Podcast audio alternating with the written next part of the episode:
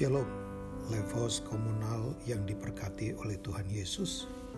Kalau kita membaca dalam 2 Korintus 3 ayat yang ketiga, Alkitab berkata, karena telah ternyata bahwa kamu adalah surat Kristus yang ditulis oleh pelayanan kami, ditulis bukan dengan tinta tetapi dengan roh dari Allah yang hidup, bukan pada loh-loh batu, melainkan pada loh-loh daging, yaitu di dalam hati manusia.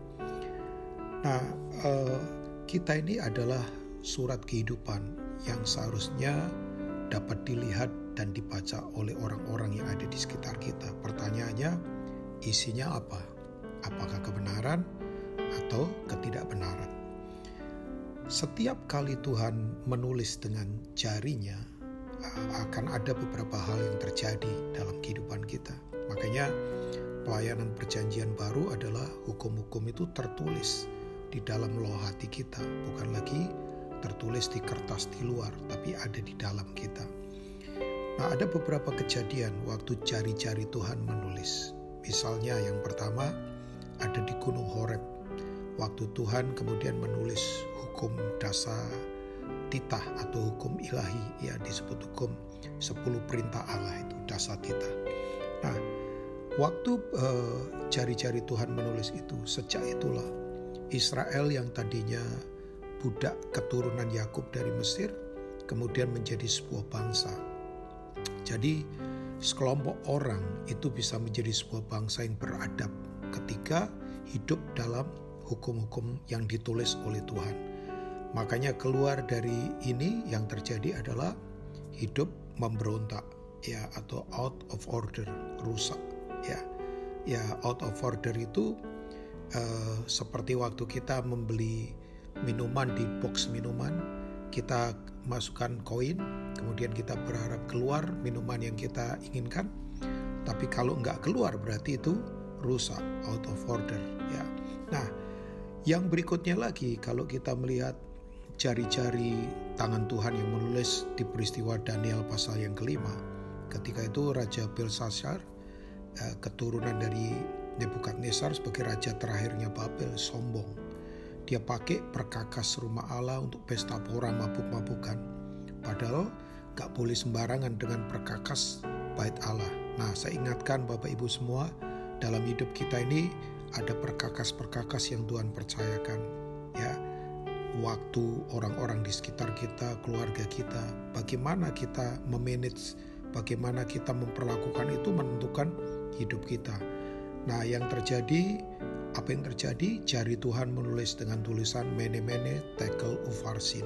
Artinya, kerajaannya mulai dihitung ternyata ringan dan kemudian akan diserahkan kepada bangsa yang menaklukkan berikutnya namanya Persia. Waktu itu Daniel sudah tua memang, tapi kemudian dia mengingatkan Raja Belshazzar, walaupun raja ini tidak mengingat jasanya Daniel, malah dianggap Daniel ini, oh kamu salah satu orang buangan, ya. Jasa apa yang Daniel pernah lakukan buat papanya kerajaan Babel tidak diingat. Tapi it's okay. Justru orang-orang benar itu akan menjadi sebuah ujian ketika orang nggak mengingat prestasi tidak disebutkan, apakah orang itu tetap setia. Daniel waktu itu berusia 80 tahun, kurang kira-kira dua tahun uh, janji Tuhan akan dikenapi Israel akan keluar dari tawanan. Jadi itu yang kedua. Tapi jari Tuhan berikutnya itu terjadi di peristiwa Yohanes pasal yang ke-8. Waktu ada wanita yang kedapatan berzina, kemudian dibawa kepada Yesus, ahli-ahli agama menghakimi, ya wanita ini kehilangan harga diri dan identitas. Bayangkan memang kalau cara kita beragama tanpa kasih itu selalu akan membawa korban begitu luar biasa. Wanita ini dituding begitu kejam yang mau dirajam dengan batu yang luar biasa. Yesus menuliskan jarinya di tanah. Sebuah pemandangan yang menurut saya luar biasa. The creator of the universe itu duduk jongkok ya kemudian memegang tanah ya rendah hati sekali ya tanah itu debu tanah ini adalah kita diciptakan dari itu tapi Tuhan sedang menulis dia sedang menulis apa saya nggak tahu tapi tulisannya saya yakin itu dibaca oleh orang-orang Farisi yang ada di situ Saya nggak tahu dia menulis apa. Tapi begitu mereka menulis itu, hati mereka betul-betul tertampar. Ya, hati mereka kemudian begini, tertemplak begitu luar biasa. Ya, mereka kemudian tinggalkan tempat itu.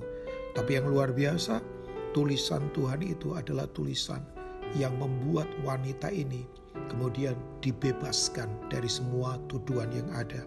Saya percaya walaupun kita debu tanah, kita punya kelemahan, kita punya masa lalu, tapi ada tulisan Tuhan yang tertulis di loh hati kita.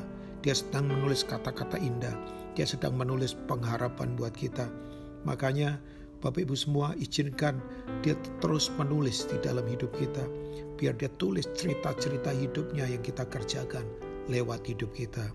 Tuhan memberkati semua. Amin.